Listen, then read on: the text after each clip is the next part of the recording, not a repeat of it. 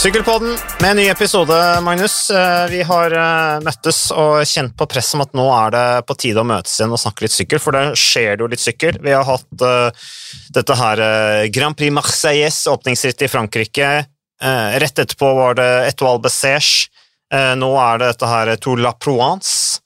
Så nå skjer det jo ting, da, til tross for alle avlysningene. Voldsomt press på, på deltakelsen i de sykkelrittene som faktisk går, som gjør at nivået blir eh, skyhøyt. Eh, har, du, har du fått sett på noe sykkelløp, eller? Ja, har prøvd å se det meste. Men um, det var vanskelig å få sett den der Bessège. Da måtte du liksom inn på sånn ulovlig streaming-side, Mm. så det var litt sånn der dodgy greier. Så, Underground. ja, det var ikke helt greit. Men um, det er jo å si, det blir, nivået blir jo skyhøyt da, når du da, disse smålagene ikke får plass til å sykle. Får ikke plass i ritt, fordi alle skal krige om plassen. Det blir spennende å se på både Lekenesund, som debuterer for DSM, som det nå heter, i Provence, og Christopher Co., som også er med i samme. Det er vel de fire norske vi har i, i Sør-Frankrike.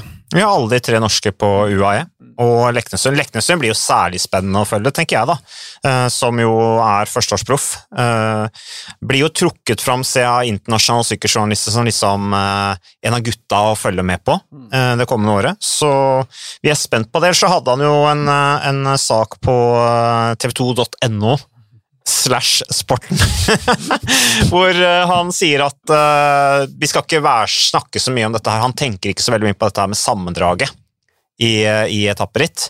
Eh, og for å være ærlig, eh, det, det tror jeg han på, men, eh, men sånn sett fra liksom, Sånn jeg ser det på det, så har han jo et potensial i framtida til å kunne bli en sånn type rytter hvis han velger å gå den veien. Ja, det er jo ikke nå eller aldri. Nei. Så, men jeg så det skapte en del reaksjoner, da. Eh, noen var sikkert litt sånn skuffa, for det eh, Vi har kanskje haussa litt opp at han kan bli liksom en sånn Tour de France-stjerne. Sånn, endelig kan vi få en sånn norsk eh, helt. Han og Tobias Foss har liksom fått den litt sånn merkelappen da, om at de kan vi kanskje se fram til i framtida. Men eh, jeg tror nå eh, hvis han, han er en klok gutt, da, så hvis han mener at det ikke er fornuftig lenger, så må jeg jo stole på at han veit hva han driver med. Eh, men jeg må jo helt ærlig, jeg, jeg, jeg, synes, jeg hadde håpet han skulle liksom bare gå all in for det, da. Uh, rent sånn personlig. Men, men Um, Mari, Magnus, jeg, jeg, teksta litt med, med Marius Skjelbæk etter den saken der. Jeg fikk en melding fra, fra Marius som var engasjert i den uh, saken, og sendte meg en melding liksom Ja, for å være ærlig, hvor mange rytter i verden er det som egentlig satser på sammendraget i en treukerstor? Som, som er realistiske vinnere. Og det er jo ikke mange vi kan trekke fram, liksom. Det som vi tenker liksom, De her er klare ryttere som kan vinne en Grand Så Tour. sånn inn i favorittsjiktet. Ja, Ja. blant favorittsjiktet. Mm. Det er seks-sju stykker, kanskje. Mm. Eh, og, og, med det presset som er på Nå hadde vi akkurat Tom Dumoulin, som sannsynligvis ja, Vi ser kanskje ikke noe mer til. Kanskje han har lagt opp for godt. Det er et voldsomt press på de rytterne som satser i sammendraget, fordi at det er knallhardt å satse på sammendraget. Vi hører jo om Primoz Roglic, som sitter på seks-sju timer på rulla oppe i Sierra Nevada. Det der ekstreme fokuset på vekt. Det når, når du velger å gå den veien der, da er du Da har du ikke noe liv ved siden av, for å være helt ærlig. Eh, Det er et beintøft alternativ når du skal være syklist. Altså, du kan fremdeles tjene gode penger, ha stor suksess, gå for enkeltetapper, noe mindre press, men skal du gå for den der sammendraget, da, da har du ikke noe liv, altså. Etter min min da må mening. du leve som asketisk. Da må du leve som en munk. Definitivt. Basically. Eh, men ja, nei, folk må gjøre det de, det de vil. Det er ikke alle som syns det er en eh, Det, det er jo sånn som Geraint Thomas har vært ærlig på. At det er jo egentlig ikke noe for meg. Jeg kan gjøre det i korte perioder, men så må jeg koble helt av i bakkant. Så det å leve sånn som Froome har gjort i alle år, sant? det er liksom ikke noe som funker for han. Uh, og, ja, det, Ja, så har vi, har vi utøvere i Norge, for eksempel i Norge da, hvor, hvor de fleste har det relativt bra, de har hatt en relativt trygg og god oppvekst, eh, du har eh, rytter som kan gjøre, ha suksess, eh, fremdeles leve et relativt normalt liv ved siden av, uten å forsake absolutt alt. Jeg er litt usikker på om vi har den type mennesker i, i Norge som er så fanatisk opptatt av å skulle bli god at de satser på å vinne Tour de France. da. ja, da sier du i praksis at de ikke vil det like mye? Nei, altså, jeg tror det er lov å drømme, Ja. men når, når du liksom kommer til det punktet hvor du liksom står ved den terskelen at du kanskje skal gjøre det, så er jeg veldig usikker på om, om, folk, om, om vi har utøvere i Norge som tenker at ja, den går jeg for, liksom, med alt det, alle de konsekvensene det medfører i forhold til satsing, da. Altså, mange, alle drømmer jo om å, å vinne Tour de France videre, men å komme til det punktet hvor du faktisk sier at ok, jeg skal ta kapteinsrollen i et sykkellag, jeg skal satse på sammendrag i Tour de France, og jeg skal da legge opp løpet i forhold til det, det er, bein, det er beintøft opplegg, altså. og da er jeg litt usikker på om vi har Ja. om, om vi har utøvere som er så sultne, da. Ja, er, ja det var det jeg prøvde å si. da. Mhm. Ergo at de ikke vil det like masse som sine utenlandske konkurrenter, rivaler. Nei, jeg tenker Ja. at det, okay. det skal de til å bli så fanatisk, da. Ja, okay. Fordi du må jo være relativt fanatisk for å, for å skulle satse på å vinne Tour de France. Og du nevner Geraint Thomas, ikke sant? Eh, Nå skal det bli spennende å se på han. Nå ser jeg han er, han er kaptein. Han blir kaptein til Tour de France i Team Ineos. De har jo satt opp denne kapteinskabalen allerede. Eh, Litt overraskende. Egan Bernal skal være kaptein i Giroen. Eh, De har Adam Yates skal være kaptein i, i Spania rundt. Det er sånn det for- foreløpig ser ut. Og det tenker jeg at allerede ser vi kanskje at presset på Egan Bernal at han ikke takla det i 2020. Eh, og, og Dave Beresford sier jo ja, eh, Egan Bernal må finne tilbake til gleden av å sykle. Og det er jo det som forsvinner. da. Tom Demela har jeg nevnt. Eh, Du hadde Bradley Wiggins. Ble til slutt kjempelei. ikke sant? Orka ikke det her, levde Jo. som en asket. Og, og det er jo litt det som skjer. altså Du, du skal være ekstremt hard i huet skal du holde, holde deg på toppen av det gamet der hvis du skal satse i sammendraget. Helt enig i det. Men er det de tilfellene du nevner, det er jo for så vidt eh, korrekte, men er det unikt for sammenlagtryttere? Ville ikke Bernal hatt samme problematikken med ryggen og med tilsynelatende humøret, da, selv om han satsa på det være seg Flesh, Vallon og Liège på sånn Liège og Sveits rundt? Ja, men presset er bare så mye større når du okay. havner i den kapteinsrollen. Eh, helt opplagt. Eh, og jeg bare syns at den, den setningen som Dave Beresford sa, jeg vet ikke om han har sitert riktig i media, men der sto det 'Bernal må finne tilbake til gleden'. Ikke sant? Ja, det. er allerede en ung gutt som da tydeligvis sliter med en eller annen form for uh, mental svikt, da, fordi at han har fått et for stort ansvar Uh, i ung alder. Jeg husker jo Tore Fransen vi spurte liksom, i sommeren som var. da. Hva er det egentlig som er galt med Bernal? For Han presterte litt under pari, ikke dårlig, men litt under pari. Og så var det snakk om at ta noe med ryggen, men da var jo flere i lag som sa at det er nok eh, en helhet her. Det er ikke bare det at beina hans er to centimeter lenger på ene sida. Ja, for det var det jo året før også. Skoliose. Ja, det er sant. Ja. Så det var nok begge deler. Eh, og skal ikke eh, late som jeg snakker med Brailsford om vurderingene, men det at han sender Bernal til Giron, er jo i mitt hode ikke, eh, ikke tegn på at ting går sånn som det burde gå. Nei. Her snakker du altså om en av eh, historiens yngste Tour de France-vinnere som eh, har alt som skal til for å dominere videre, og i en alder av han blitt 24 nå, kanskje? 23-24? Mm. Så blir han da satt på La oss være ærlige, da. B-rittet Mm. til, til Ineos. Så jeg er veldig spent på hva han, om han kommer tilbake der han var. Vi får se i Provence, da. Han sykler der. De skal opp eh, Van 2, eller iallfall opp halve Van 2. Mm.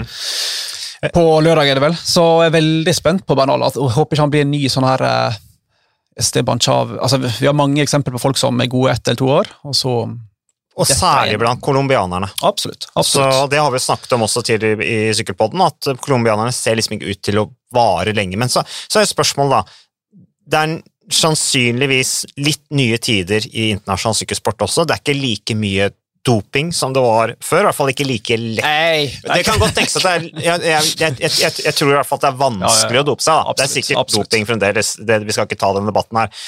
Men det virker liksom som at det er litt sånn Du må forsake mer, da. For å holde deg i toppen enn det du kanskje måtte i perioden Det var ikke det at Lance Armstrong ikke var seriøs, ikke det, men altså han seriøs. men han holdt på med ganske mye annet ved siden av, da. Samtidig som han uh, satsa. Du hadde Jan Ulrich sant, som kom til sesongen elendig form.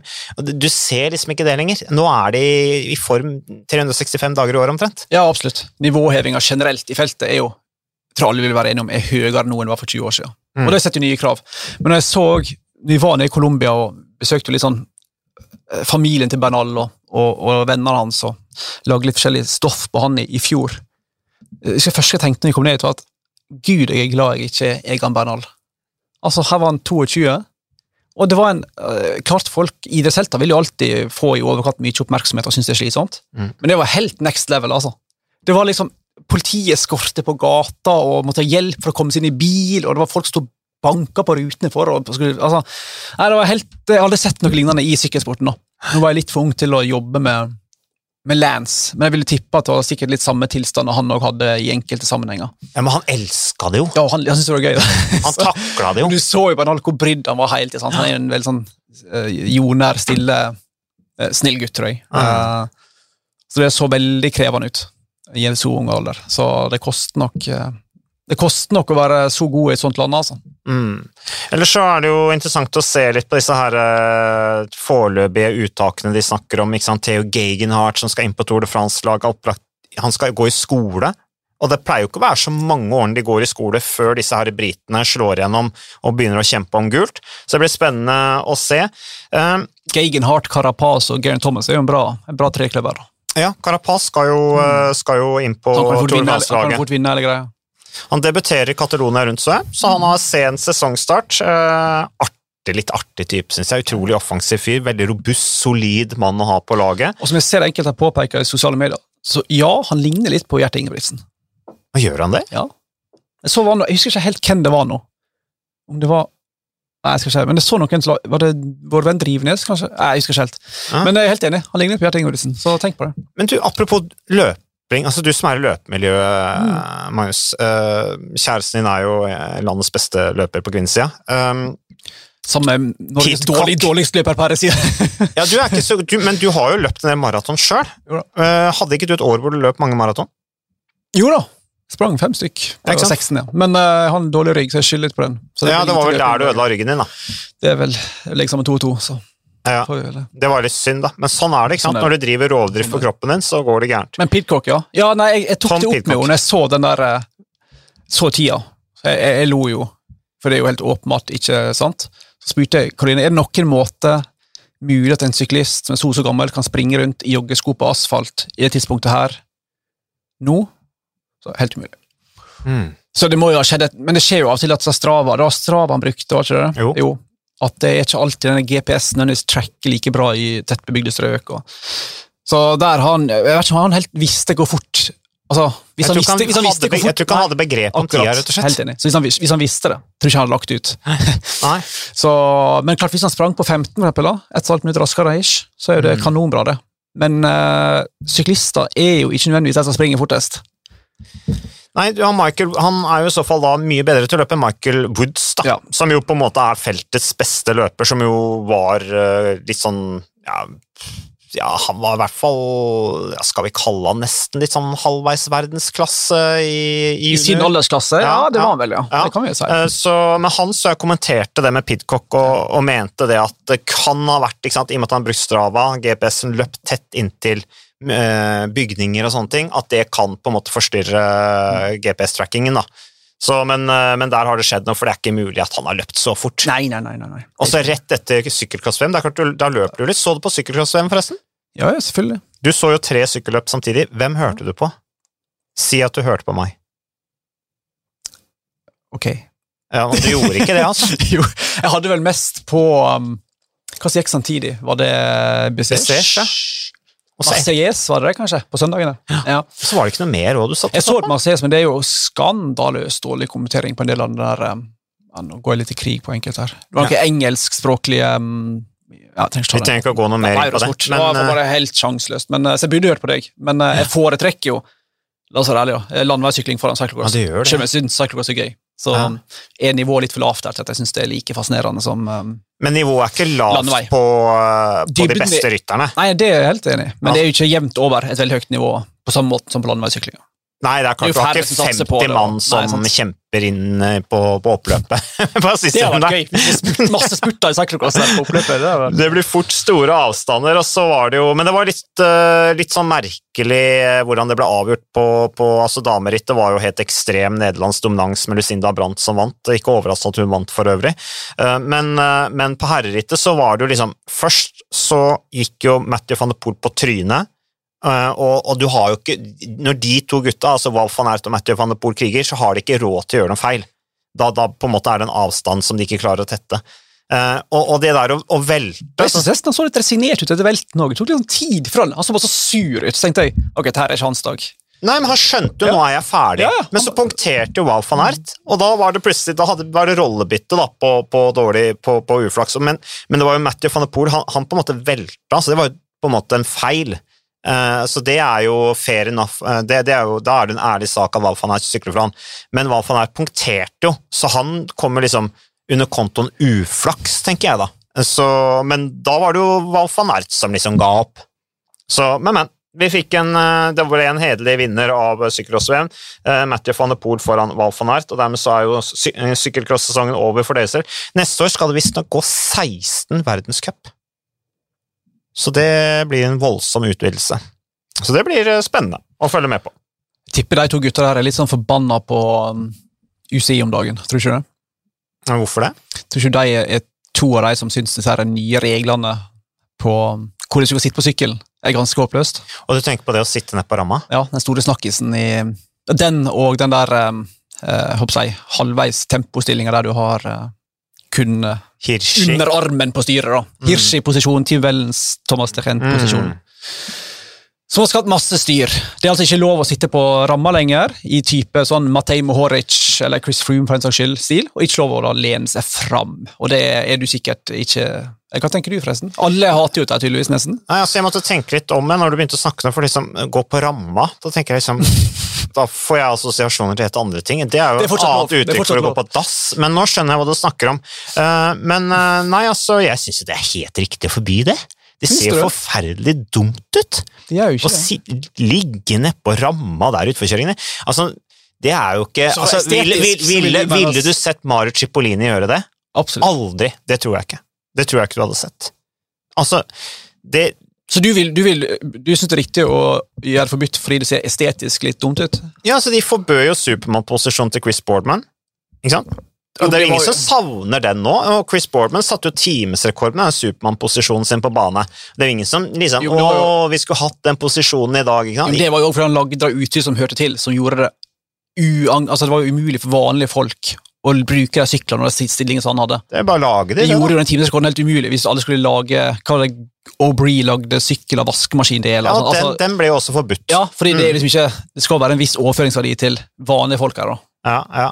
ja jo, jo. Men jeg måtte jo på en måte ta standpunkt her. Jeg kunne jo ikke si liksom, jeg har ikke jeg, jeg må jo si Ja, ja. et eller annet, sant? ellers så blir det jo ikke noe dynamikk mellom oss to her Det er heller. er. Så jeg syns det er helt riktig, men Magnus, for å liksom få utvida horisonten på den praten her ytterligere, så har jeg ringt til Odd Christian Eiking. Fordi at Odd Eiking, eh, han kjørte veldig bra i et Albezers, ble nummer ti sammenlagt, og det er bra. Um, det er Ikke bra som deg, men Nei, jeg har en sjetteplass, men så ble det jo tvitring om det også. At liksom, ja, er det fremdeles sånn at Mats Kaggestad har beste plasseringen sammenlagt i et Valbesers? Uh, det var noen som tvitra om det. Eh, og så eh, og så viste det seg at det er det jo ikke. Jeg trodde jo det selv, men Tor Hushold har visstnok en femteplass. irriterende at han alltid Det er så det. irriterende. Og så er det så typisk, Jeg har jo brukt det mot Tor hele tida. At ja, du kan ha de der eh, Tour de France-seierne dine og VM-seieren din, men jeg har tross alt sjetteplass, delt topp ti et Og altså sier Tor liksom ja, det, det, du har den, liksom. Men nå Det er jo typisk Tor. Han visste jo ikke engang at han har en femteplass sammenlagt Så i er Valbesers. riktig. Ja. Ja, sånn er det. Men uh, vi kan jo uh, høre hva Odd Christian Eiking uh, sier om, om situasjonen der han sitter oppe i fjellheimen i Sierra Nevada etter å ha kjørt et Valbesers, og hva han tenker om det resultatet og veien videre. Odd Christian Eiking fra samling i Sierra Nevada. Slik jeg skjønte det på deg, så har du reist ned dit på egen hånd. Det er ikke laget som har sendt deg på samling? Nei, eh, stemmer det. Jeg eh, tenkte det at eh, med et så stort mellomrom mellom, mellom løpene nå, så passet det fint med et høydeopphold før, før de neste løpene.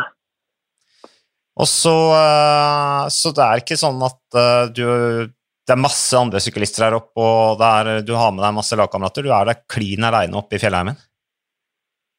Ja, nå er jeg klin alene, så jeg leide en bil og egentlig kjørte fra Nim i Frankrike til eh, Sierra Nevada. Så det var jo en litt lang eh, kjøretur, men, men eh, nå er jeg her, så, så det.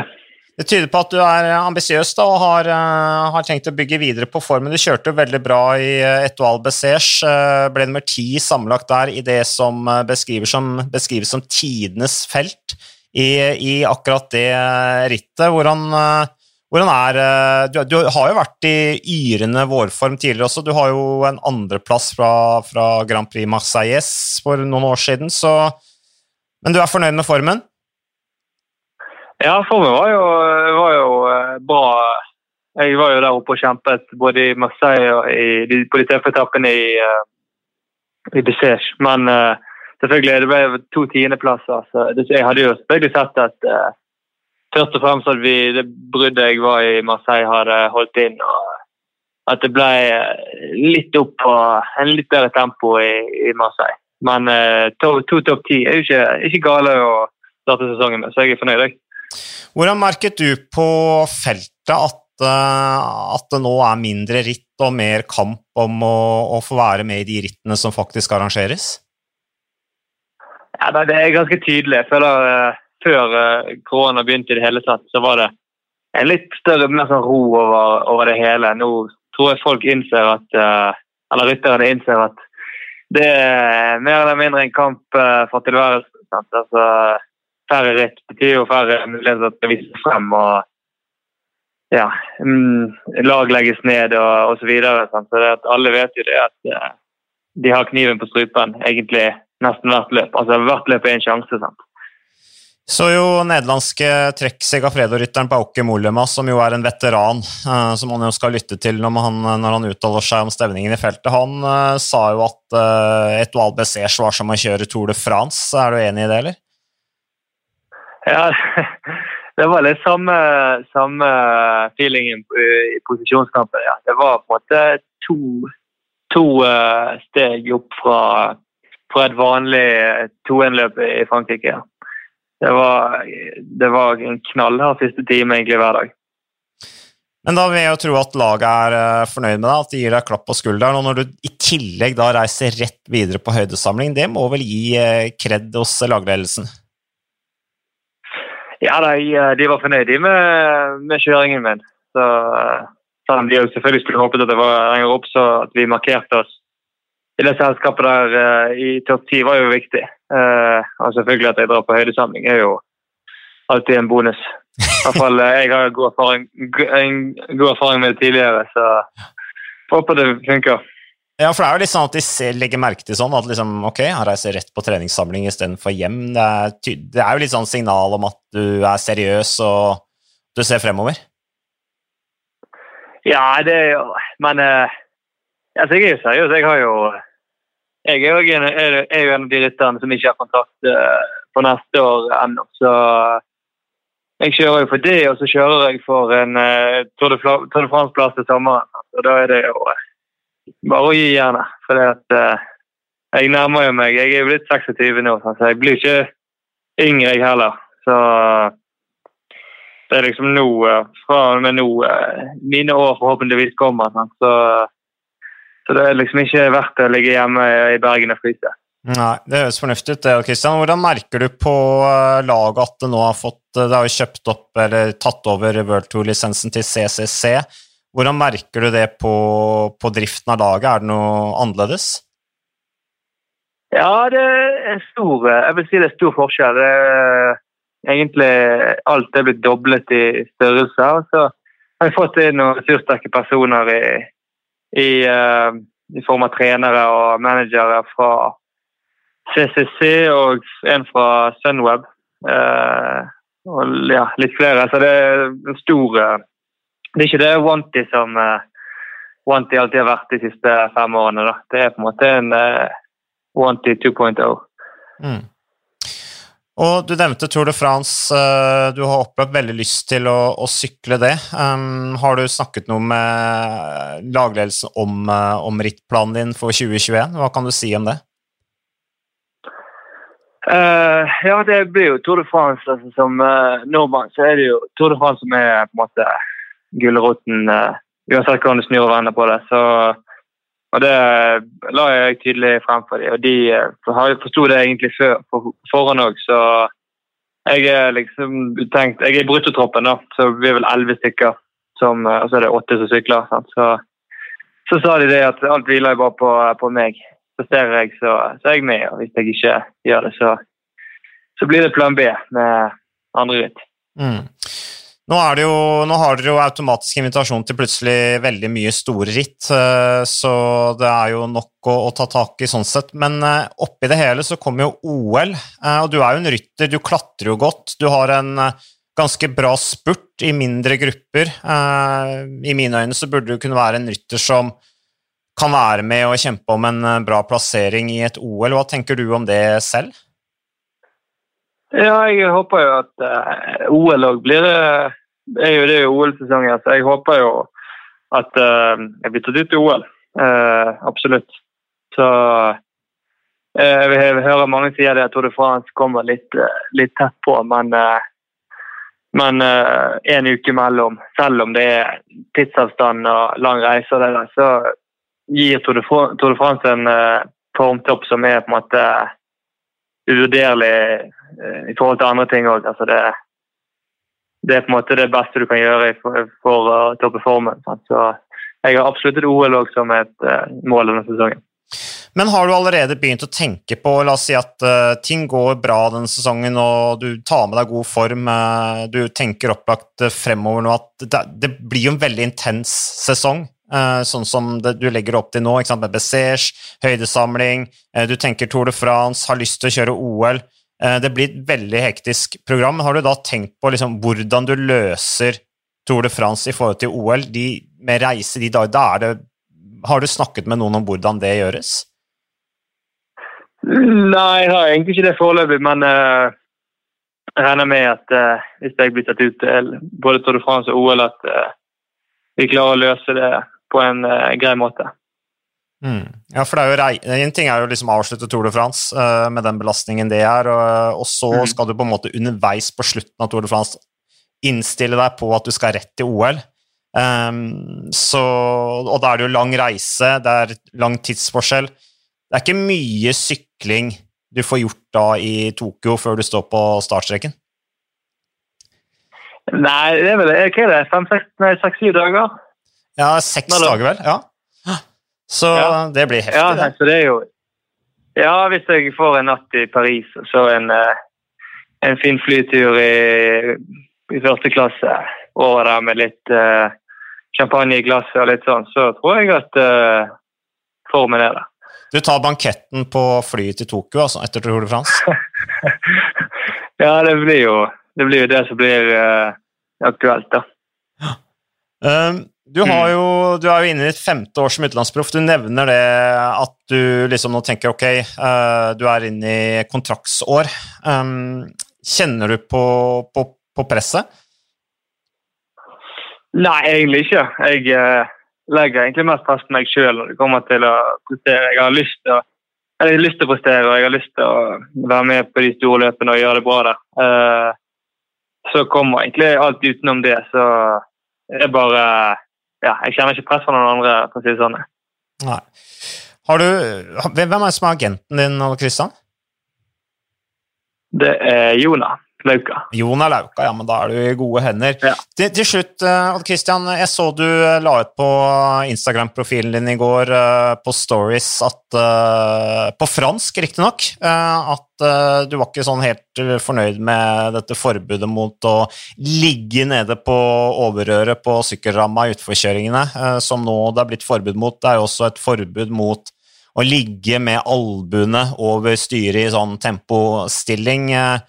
Hva er dine tanker om disse forbudene mot disse tekniske eh, måtene å, å, sykle på? Jeg syns det blir litt sånn som, de, som jeg har forstått det.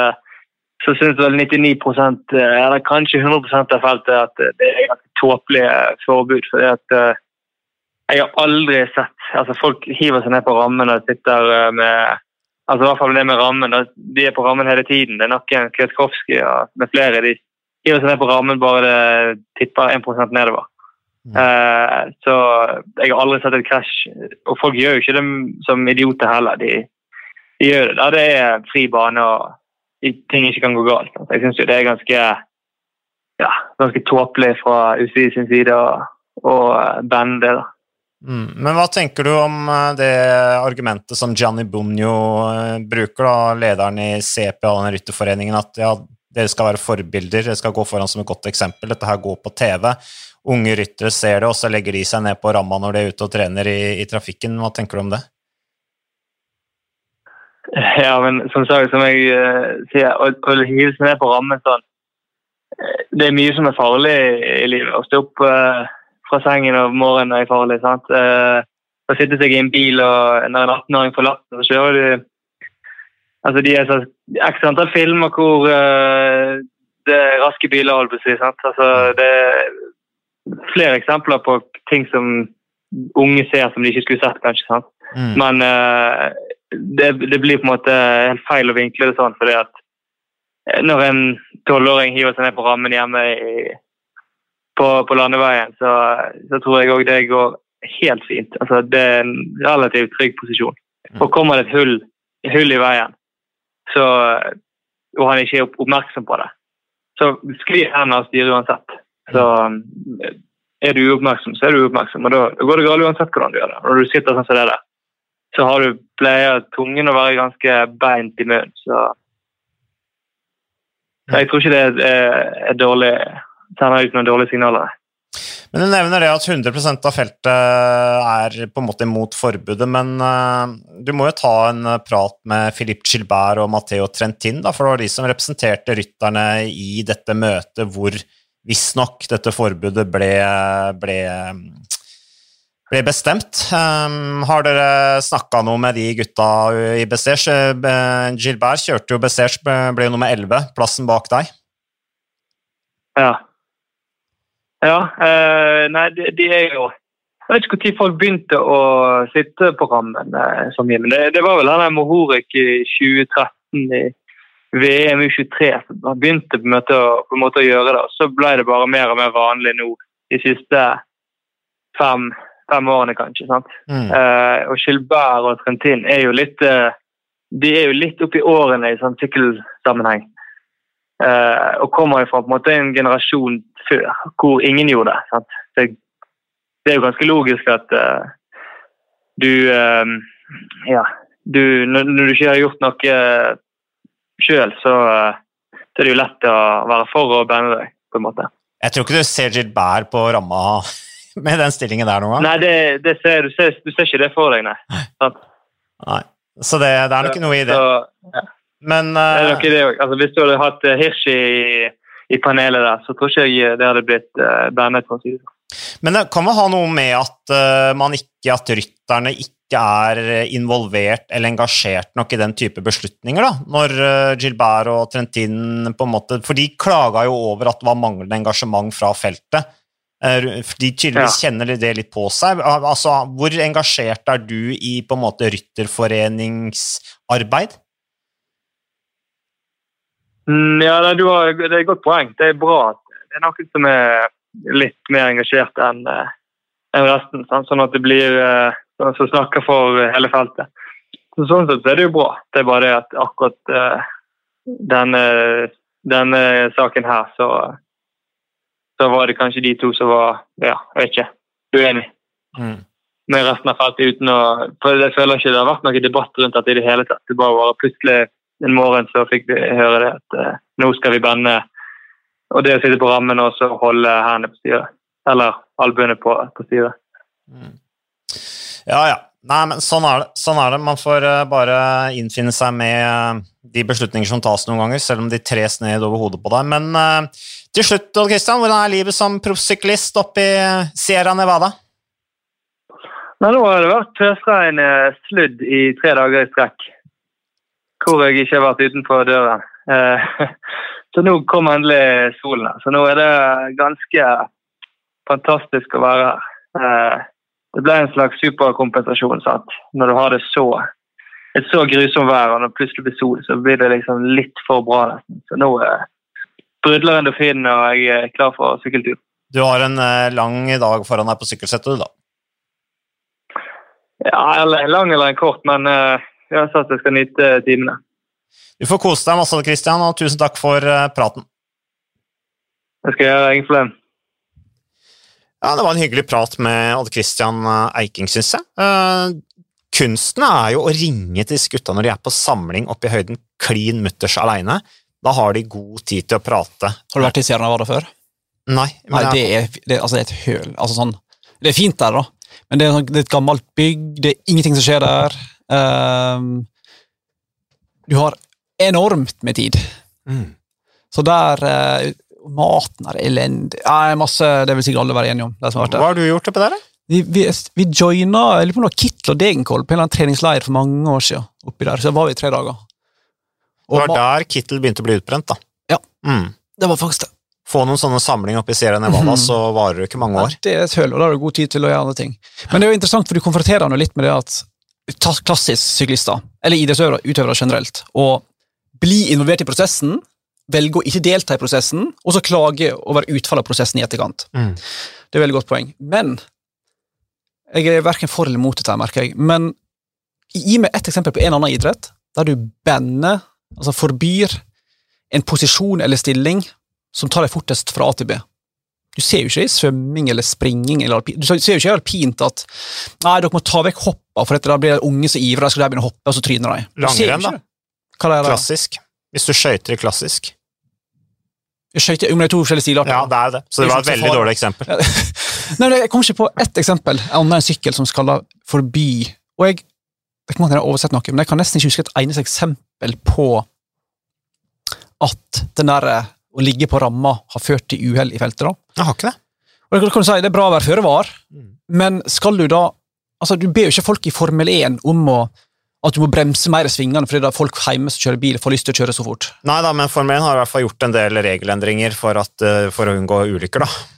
Ja, sikkerheten til Ja, ja, så det går vel egentlig saktere i Formel 1 enn det de gjorde før. Bilene har ikke den kapasiteten som de hadde tidligere. Men, eh, men eh, ja. Nei, jeg fikk jo en god prat med Eiking om dette her med det forbudet, og, og jeg syns jo han har mye bra poeng, så, så jeg har ombestemt meg. Nå er jeg veldig, nå er jeg veldig mot, Imot. det forbudet. det imot, ja. Og det er veldig konservativt, og det er jo typisk at det er Gilbert, som han sier, og Matteo Trentin, som liksom ikke er en del av den generasjonen som på en måte presser ned marginene når det gjelder aerodynamikk, da. Sånn som den unge generasjonen gjør. For vi, vi har en ung generasjon nå som kommer opp, som er ekstremt opptatt av eh, detaljer rundt aerodynamikk, blant annet. Mm. Stor forskjell, altså, fra, fra gamle, gamle skolen. Altså, Jeg ligger jo på ramma sjøl en sykkel hele tida. Gjør du det? Ja, oppe i Mardalen eller hvor det skulle være. Tuller du? Det er det riktignok ingen som ser opp til meg og tar etter min stil, da. Utrolig nok. Men uh, Hvor i Maridalen er det du har lange nok Det er utforstrekk til å legge det deg er ned en på fin ramma? bakke der som går ned Hvis du måtte på baksida, hva skal jeg si Ja, men vet du hva, Det må du bare slutte med, for det er ikke trygt. Du kommer til å gå på trynet en dag. Du har ikke kontroll. Ja, Jeg mener at dette er betydelig tryggere enn folk vil ha det til, da. Jaha. Men uh, det var for så vidt et sidespor. Uh, Jeg, bare, jeg, bare, jeg, jeg, jeg klarer bare ikke å se de bildene for meg, Magnus, at du ligger nede på ramma, ned en bakke Trør som et uvær nedover der. Det går hva, hva, fort. hva er det som skjer oppi hodet ditt da? Hva er det du innbiller deg da? Altså, Tenker du da at du er i Tour de France, og at du har TV-kameraene opp i ansiktet? Altså, Er du helt med da? Visualiserer du at du kjemper om gulltrøya? Du må jo leve deg inn det du driver med. Ja, ja, Så hvis, det er så, hvis du lov, det. sykler, så har du lyst på fart. Ja. Og når du sitter alene, sånn som jeg stort sett føler jeg er i proffsyklister, det er jo stort sett rytterne som er i front eller i små grupper, som har behov for å ha absolutt høyest mulig fart i utforkjøringene, så legger de seg ned på ramma.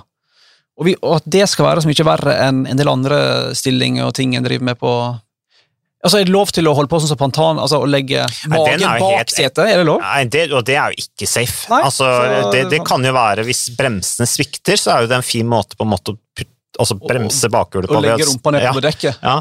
Og Det er eneste, tenker jeg. altså. Men, eh, men altså, nå har jo UCI, Internasjonalt Sykkelforbund, gjort en del regelendring. Vi nevnte dette med den Boardman-stillinga og Bree-stillinga. I forhold til Du kan ikke ha sete altså, du, de, de, de måler jo temposykling før start, at det er regler for hvor langt fram du kan ha sete i forhold til senter på kranken Mm. osv. Så, videre. Eh, så det er jo regler for å på en måte gjøre moderere det tekniske da, rundt, rundt eh, fart i sykkel, eller utnytte de der fordelene som man kanskje kan finne, annet på sittestillingen.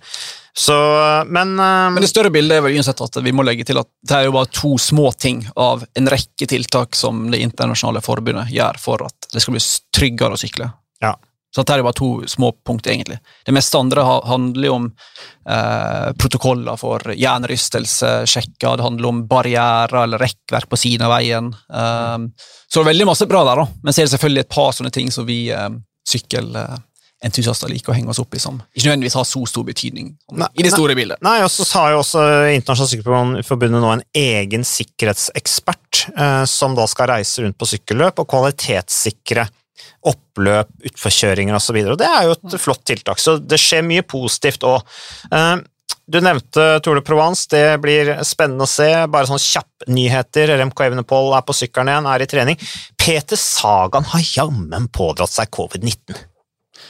Tipper han ikke er så veldig bekymra for det i kjent stil, men Nei, han er bare litt sånn små, småsjuk, sier han. Eh, ellers, apropos covid-19. Um, godeste italieneren i teamet inni eh, eh, altså eh, Som vant to etapper i, i Etoile Bessège nå. Um, Filippo Ganna Ganna, Gampen Ganna, vet du. Verdensrekordholderen på 4000 meter, ble jo 13 sammenlagt i Bessège. Uh, vant to etapper i Bessège. Han var jo ganske hardt ramma av eh, covid-19 etter Giro Italia. For han, han, jeg leste intervjuet med han.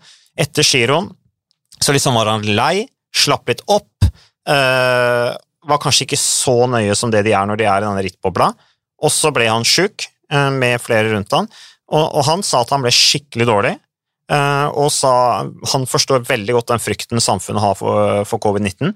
Eh, Men han er jo tydeligvis gått tilbake, da. for vi har snakket om dette her, liksom konsekvensen av covid-19 for idrettsutøvere osv., men han er jo et godt eksempel på at han har i hvert fall ikke noe som ser ut som han har fått noe veldig varig men da, av den Nei, og sykdommen. for de fleste så ser det ut som det går bra, heldigvis. Heldigvis. Og håper at det går bra med pappaen til Quintana, som har fått et kraftig covid-angrep. Eh, Visstnok i sta stabil tilstand nå, da. men eh, han er jo litt oppe i åra. Mm. Så ja. Ja, Quintana skal jo ikke kjøre Provence heller. Forsvare seieren eh, fra i fjor, eh, hvor han jo vant fullstendig overlegent. Eh, denne her etappen opp til Chalet de Reynard, eh, opp mot Mont Ventoux der, som, eh, hvor han vant eh, helt suverent og overraskende mange da i sitt første år i dette Arkea Samsic etter disse årene han hadde i Movistar. En som eh, Vi snakker litt om, eh, om dette her med Vi var litt inne på det i stad før intervjuet med Eiking, dette her med ryttere som blir lei. Den som er mest lei av alle, det er opplagt eh, Thibaut Pinot. Han er lei, han! Ja, det har jeg sagt før, du må snart finne noe annet å gjøre hvis du ikke har lyst til å sykle. Det er helt greit. Det er ikke noe tvang, altså. Nei, for han gir jo Han Altså, Han legger jo ikke noe imellom når han har dette Nei. intervjuet med Lekip for Deilig noen dager siden, da, hvor han bare sier at sykling er ikke noe gøy lenger. Eh, og så Jeg bare siterer fra dette intervjuet. De første toerne jeg deltok i, så pleide jeg å dra inn til landsbyen, og landsbyen er liksom dette her, de rigger opp og ned ikke sant, hver dag under Tour de France, hvor du kan eh, gå inn, og så treffer du journalister og vertinner, og du får mat, og du kan lese avis, og du kan få klipp håret. Ikke sant? Og så Da satt vi der og fikk litt spøker og koste oss litt. Nå er, sitter vi bare inne i bussen og får teambrifing med hvilken vei vi skal ta rundt rundkjøringer, og hvilken vei vinden blåser. Han stadig virkelig svartmaler situasjonen. Og så, da, så skriver han hadde jeg vært sportsdirektør eller manager så hadde jeg aldri signert en rytter som meg. Jeg hadde solgt ham, blitt kvitta meg med en, for en, det er jammen ikke lett å forholde seg til en rytter som meg. Fantastiske sitater. Man kan ikke annet enn å elske Thibaut nå, tenker jeg. Ja, Nydelig fyr. da. Og så var han jo knallhard i intervjuet på en del eh, bruk og, eller misbruk av eh, kortison og eh, sterke betennelsesdempende ting. og Mm. Mener jo at det fortsatt er et såkalt eh, two-speed peloton. altså At det er på ulike vilkår. Det er jo egentlig ganske alvorlig debatt, for noe som egentlig var ganske, et ganske morsomt uh, intervju. Men det er jo litt sånn Ja, jeg vet ikke. Det er vanskelig å ikke like Pinot, da. Men um, det er en del av den franske generasjonen som bare liksom ikke ikke liker veien sporten går. og Det er helt fair. Mm. Men, uh, Men- da, da, kanskje, kanskje en burde finne seg noe annet her. Men jeg tror, jeg tror at vi kan se en del likhet mellom han og, og Tom Dumoulin. Altså, De er litt sånn samme type. Ja, jeg tror de, helt enig. altså de, når de holder på med noe, så tror jeg de på en måte hele tiden tenker hva er det jeg egentlig driver med? Hvorfor driver jeg med dette her? Jeg husker når jeg var på slutten av karrieren sjøl. det siste sykkelløpet jeg kjørte, det var vel jeg tror det var, jeg lurer på om det var Enik og Tor, eller annet sånt. Det. Sånn velteritt, ikke sant. Bråbremsing hele tida. Det Alle holder på å velte i ett sett. Eh, rundkjøringer, midtrabatter, full fart, eh, ryttere som ikke tar hensyn, som bare gir full gass, tryner. Og så satt jeg bak i feltet, og så husker jeg snakka med en av disse danske rytterne. en som, eh, Han sykla i CC Discovery, jeg husker ikke navnet hans akkurat nå. Så sa jeg vet du hva, og jeg visste han også skulle legge opp. Og så jeg, kommer ikke til å savne det her, sa jeg. han er helt enig. Han skulle studere da i København og greier. Men, eh, men, eh, det er eh, Det må jo være litt spesielt for støtteapparatet til, til Thibaut Pinot. Som, og ledelsen hans, liksom, å lese de sitatene der og liksom, Hvordan i all verden skal vi stake kursen videre med den gutten der? Han skal jo for øvrig kjøre i Giro Italia, da. Han skal ikke til Tour de France. Men han sier jo det, du var jo inne på det, dette her med, med ketoner, ketoner ikke sant? Mm. Som, som Jumbo Visma tar, eh, og som jo de har også blitt utfordra på. De sier at dette er fullt lovlig som alt annet, så det kan vi bruke. Og så er dette her med kortisonbruk. Eh, og, og han sier jo at hvis jeg hadde fått kortison, så hadde jeg sannsynligvis fullført en del av de rittene jeg har brutt pga. skader og sykdom osv. Han fikk jo kortison nå i forbindelse med at han begynte å trene etter sesongen eh, til Boppino, for han er fremdeles ikke bra i denne ryggen, og sa at effekten er jo helt fantastisk bra. Eh, og den i tillegg, effekten varer lenge, så du kan få den utenom konkurranse og ha den i konkurranse. Og det er jo det vi også har hørt sant, fra ryttere, at de har tatt det før Tour de France, og så mistenker man at grunnen til at de da får en behandling før Tour de France, er fordi at det varer lenge ut i rittet. Men nå er det i hvert fall regler da, fra 2022 om at det er et forbud mot all form for inntak av kortison under konkurranse. Så det er i hvert fall et fremskritt, men samtidig så mener Pinot at det er en svakhet ved den regelen ved at rytter da kan ta det før eh, med, med, med et medisinsk fritak og ta med seg den effekten videre ut i rittet. Jo, det, det, det, kan godt hende at det er en svakhet ved det, men jeg ser ingen åpenbar løsning på det heller. Nei. Det er vanskelig å skulle forby kortison og en del andre betennelsesdempende ting. Nå har jo kortison mange andre effekter, men utenfor konkurranse En kan jo ikke ha et regelverk der du nekter um, utøvere standard medisinsk behandling mot skader. Altså, hvis du har trøbbel med ei skive i ryggen, skal du ikke få lov til å ta kortison utenfor. Problemet er jo, som han det er vel egentlig han prøver å si, det er jo at ryttere og det er jo kjent, eh, sier at de har vondt i kneet mm. uten å ha vondt i kneet, og så får du behandlinga. Mm. Eller som Wiggins gjorde, som tok det fordi han fryktet at han kunne bli tett i systemet underveis Tour frans, så tar du den sterkeste, ja, tar du mm. sterkeste mm. formen av kortigosteroider før. Det er jo uh, helt annet enn da skalaen. Um, men ja, nei, tilbake til Pinot, så um, Kanskje han burde tatt en sånn timeout, sånn som Dumoulin? Der tok han henge litt og snakke litt mm. om livet, og så prøve å finne ut om dette her har lyst til å drive med eller ikke. Vi kunne starta podkast sammen. Jeg tror ikke sykkelsporten ja, jeg tror ikke sykkelsporten er en plass for folk som er litt usikre på om de egentlig har lyst til å holde på med det. Det virker så det vet du mye mer om selvfølgelig, det virker så 100 eller ingenting. da. Så, ja. Nei, jeg er litt spent på, spent på framtida til Pinot og Bardet og Dumoulin og en del av den generasjonen der som havna litt sånn på litt sånn på sida av toppsjiktet nå siste året. Jeg tviler på Bardet også?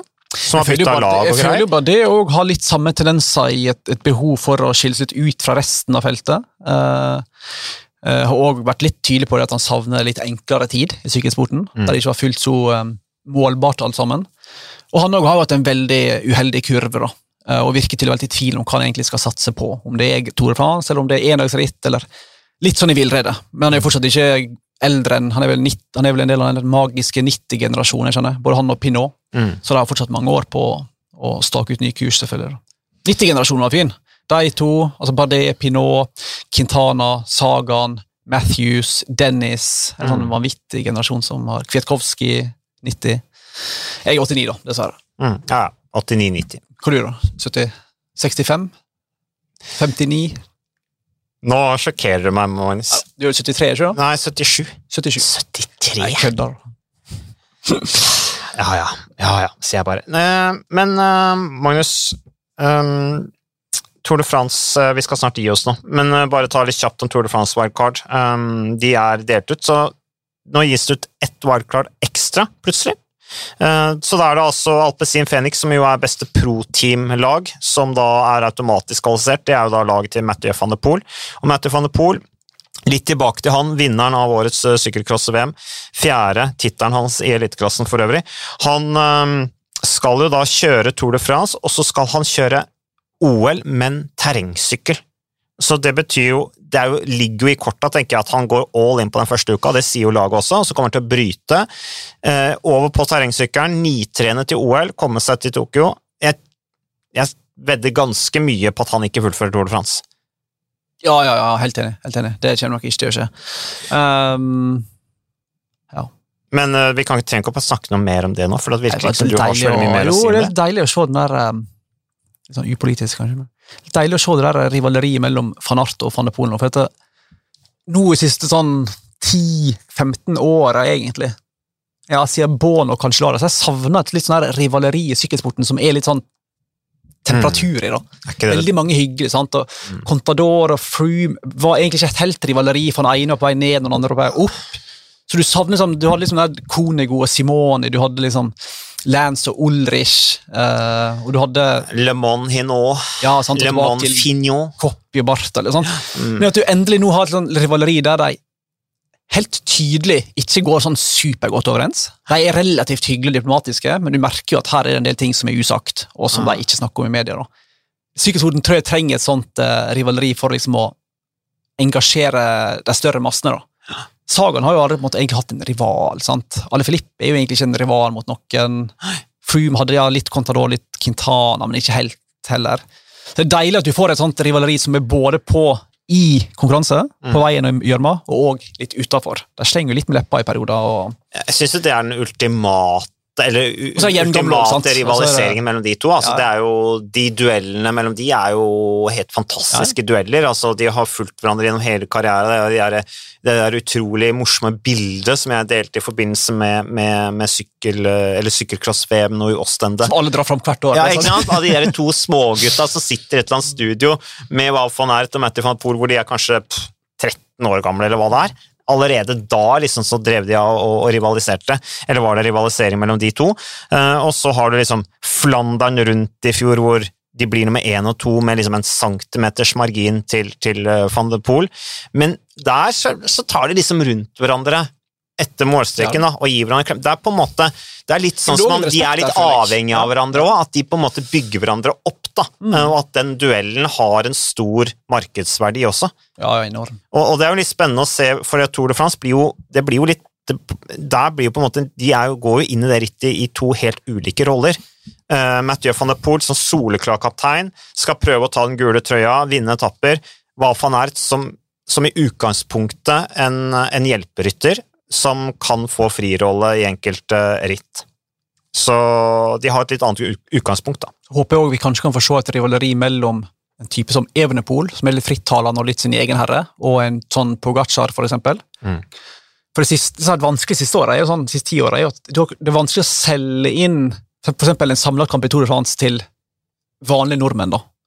Det er Chris Froome mot ja, Pinot, nei, Mm. Quintana. Ingen bryr seg. sant? Så hvis du kan få disse rivaleriene, så uh, tror jeg det kan bli gøy igjen. altså. Det blir jo quiz through mot Røkla, på en måte. Det er jo vært, Ja, det er litt sånn det har vært vært. sånn, ja. Ineos mot Røkla. Mm. Hvem kan slå Hvem bryr seg egentlig om det? sant?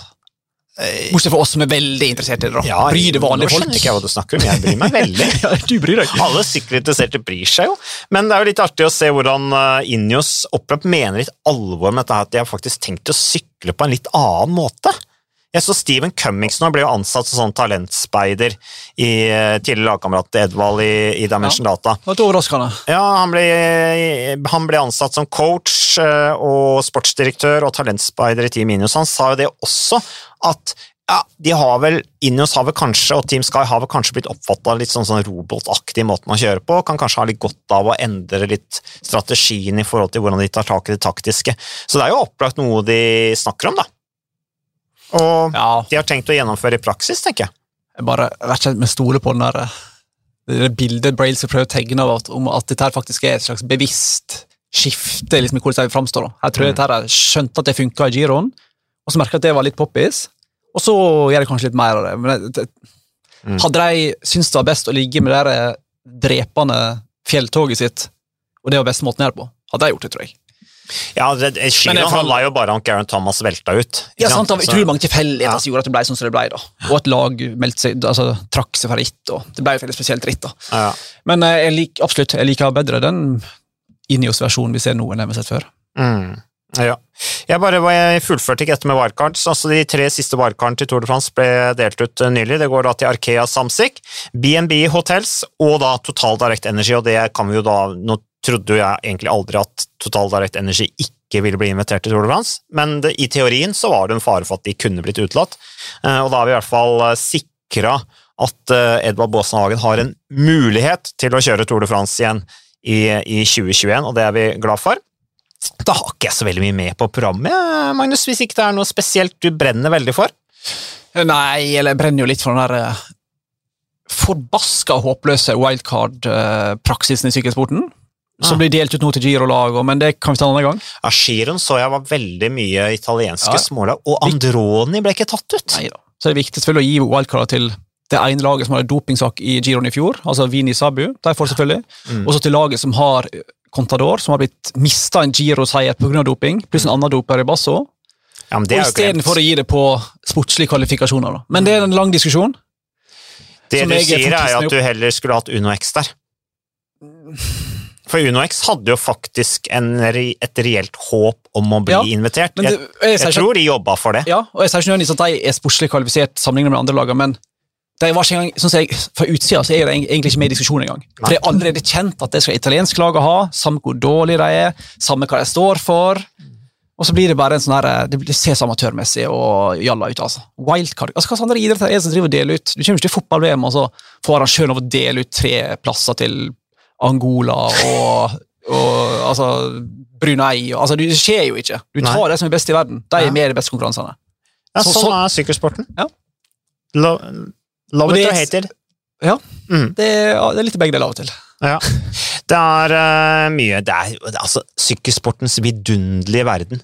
Man kan alltid diskutere og snakke om hva som skjer i sykkelsporten. Og vi kommer tilbake vi, med mer uh, sykkelpod, sannsynligvis, Magnus. Vi har ikke planlagt når det skal skje, om det skal skje, men Sannsynligheten for at det skjer, den er der. Så vi takker for at dere har, igjen har lidd dere gjennom en grusomt lang episode. Og så anbefaler vi dere å ta en skitur i helga. Ha det bra!